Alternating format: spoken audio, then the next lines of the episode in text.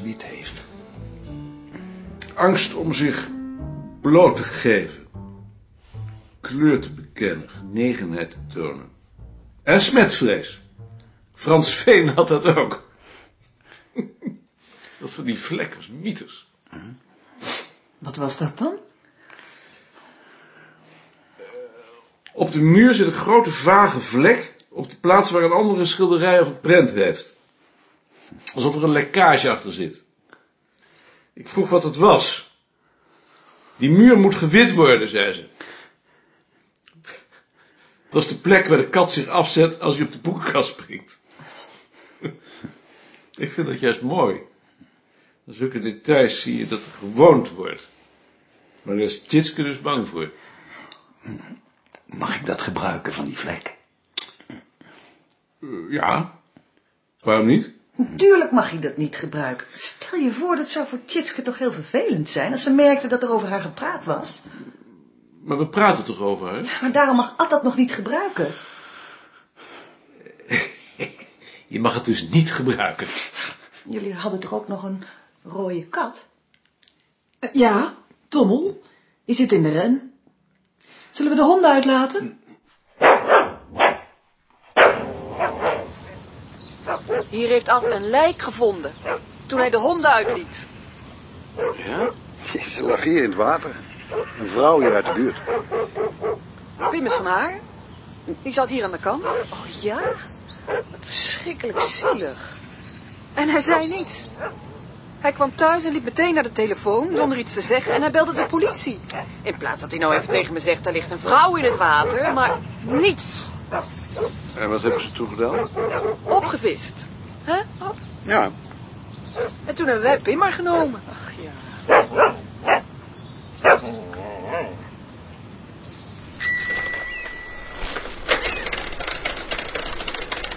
Dat was de chauffeur van de dierenambulance. Zeg, rij eens wat langzamer af. Die hebben gisteren een kat uit een tuin gehaald. Helemaal overdekt met wonden. De maden kropen eruit. Die hadden die mensen gewoon dagenlang laten liggen. Omdat ze niet van katten hielden. Hoe vind je nou zoiets? Schrikkelijk. En ze hadden er nog een paar emmers water overgegooid ook. Om hem weg te jagen. De dierenarts heeft gewoon staan huilen toen ze hem op haar tafel kreeg. Wat verschrikkelijk. Mensen zouden gewoon moeten doodschieten. Dat is toch niet zo verloren? Van mij mogen ze. Ik hou het tempo niet vol hoor. Ze rijden veel te hard. Wil jij niet eens op de tandem zitten? Oh, nee hoor. Probeer dat nou eens. Je zult zien hoe leuk dat is. Je hoeft niets te doen. Nee, ik blijf wel op mijn eigen fiets. Geef mij je fiets nou maar. Nee, nee, eh, probeer het nou maar. Je hoeft alleen maar met de trappers mee te draaien. Wat een klein fietsje heb jij. Nou begrijp ik dat het zo langzaam gaat. Ja, nou wil ik er weer af.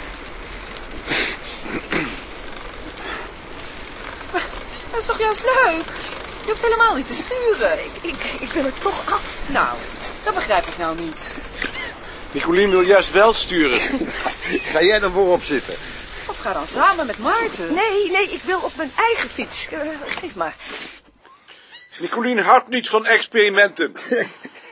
Maar een tandem is toch geen experiment? Het is van voor de oorlog. Het is juist heel ouderwets. Toch wil ik het niet. Nou, eh, we gaan weer verder, hè? Gaan toch nog wel even naar de zee kijken, hè? In de kleine eetzaal zaten mensen die Ad en Heidi kenden en bij wie ze even bleven staan praten voor ze zich bij hen voegden. De eigenaar kwam hem begroeten als oude bekende. En later kwamen er nog mensen die ze ook kenden. Dat is de dierenarts over wie ik het zo straks had. Even later begonnen ze over de tussenliggende tafels een gesprek over de consulente die was ingestort, wat aan de kleine ruimte de verstikkende beslotenheid van een kleine secte in de provincie gaf. Ik betaal wel. Nee, laat mij nou maar betalen. Waarom? Nou, dat vind ik nou leuk. Ja, dat vindt Ad nou leuk. Maar dat betaal ik de volgende keer. Dan gaan we de volgende keer in Alkmaar eten. Dan weet ik ook een leuk vegetarisch restaurant. Het was wel leuk, hè? Ja, Maar leuker dan de vorige keer. Net of ze meer ontspannen waren. Hm. Het zal wel zijn omdat jij nou de baas niet meer bent. Denk je niet? Ja, dat denk ik ook.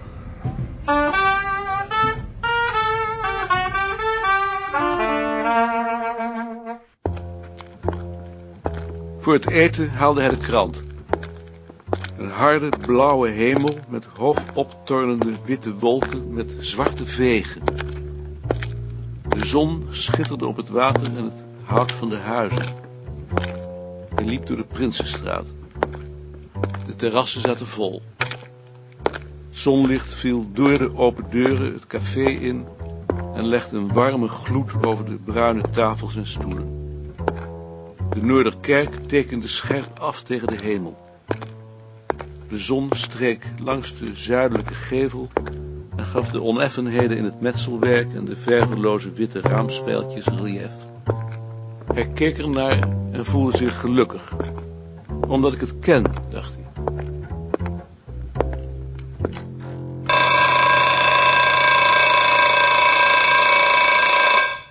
Na het ontbijt haalde hij de fiets van Nicolien uit het hok, zette hem op zijn kop in de kamer en inspecteerde de binnenband. Naast de plek die hij geplakt had, zat een nieuw lek.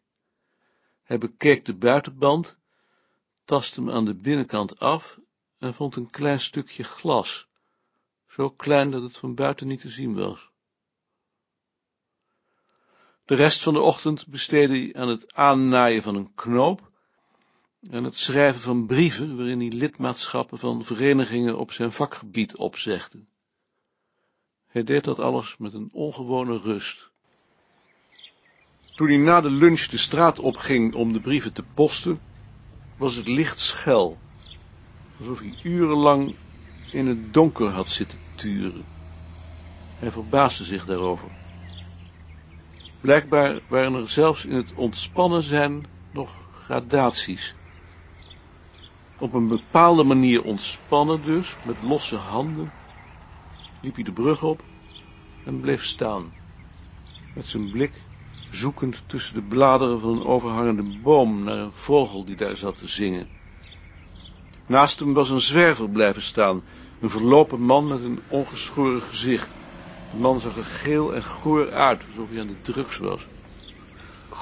Dag, uh, dag meneer Koning. Dag meneer Verbeek.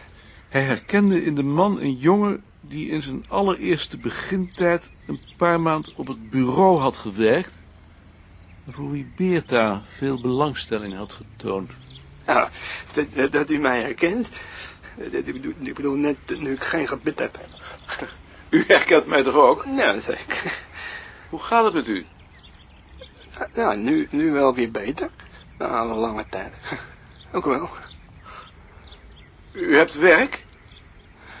Ja, ik heb een, uh, een, een uh, telefonische informatiedienst. Wel een eenmansbedrijfje, maar het is toch een uh, begin. Wat voor informatie geeft u? ik, ik kijk kranten door. Op, op, advertent, op advertenties van mensen die dure auto's aanbieden.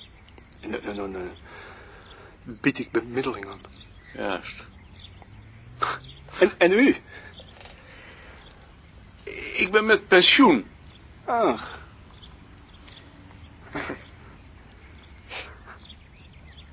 En meneer Beerta, hoe, hoe gaat het daarmee? Meneer Beerta is dood. Ach. Al lang. Oh, oh. En, en die, die, die nette donkere man, die, die, die, die, die, die in West woonde. Meijerink? Ja. Die is ook dood. Ach. Oh, is die ook dood?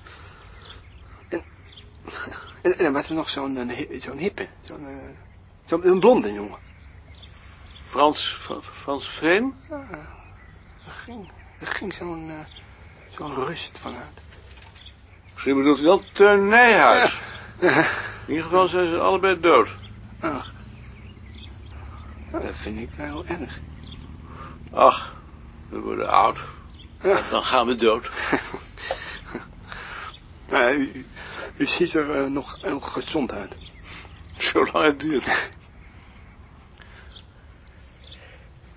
Eh, Maar nou gaat het regenen. Ehm, dag meneer Verbeek. Oh, d- dag meneer Koning. Dag meneer Koning, het, het gaat u goed.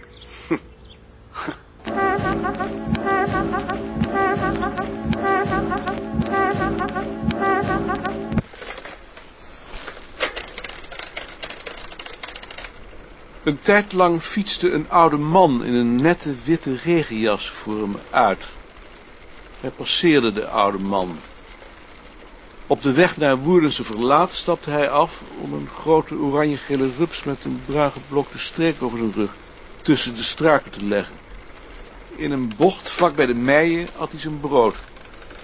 In het noorden kwam een gitzwarte lucht op. De zon verdween.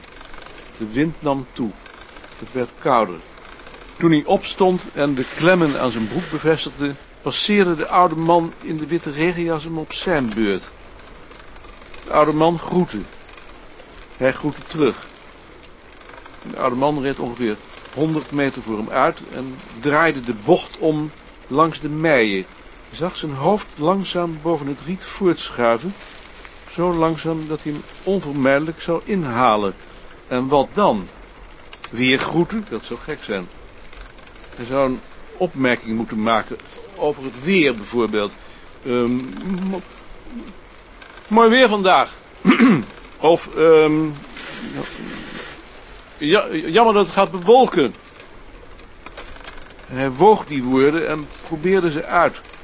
Zijn tempo vertragend om de confrontatie nog even uit te stellen.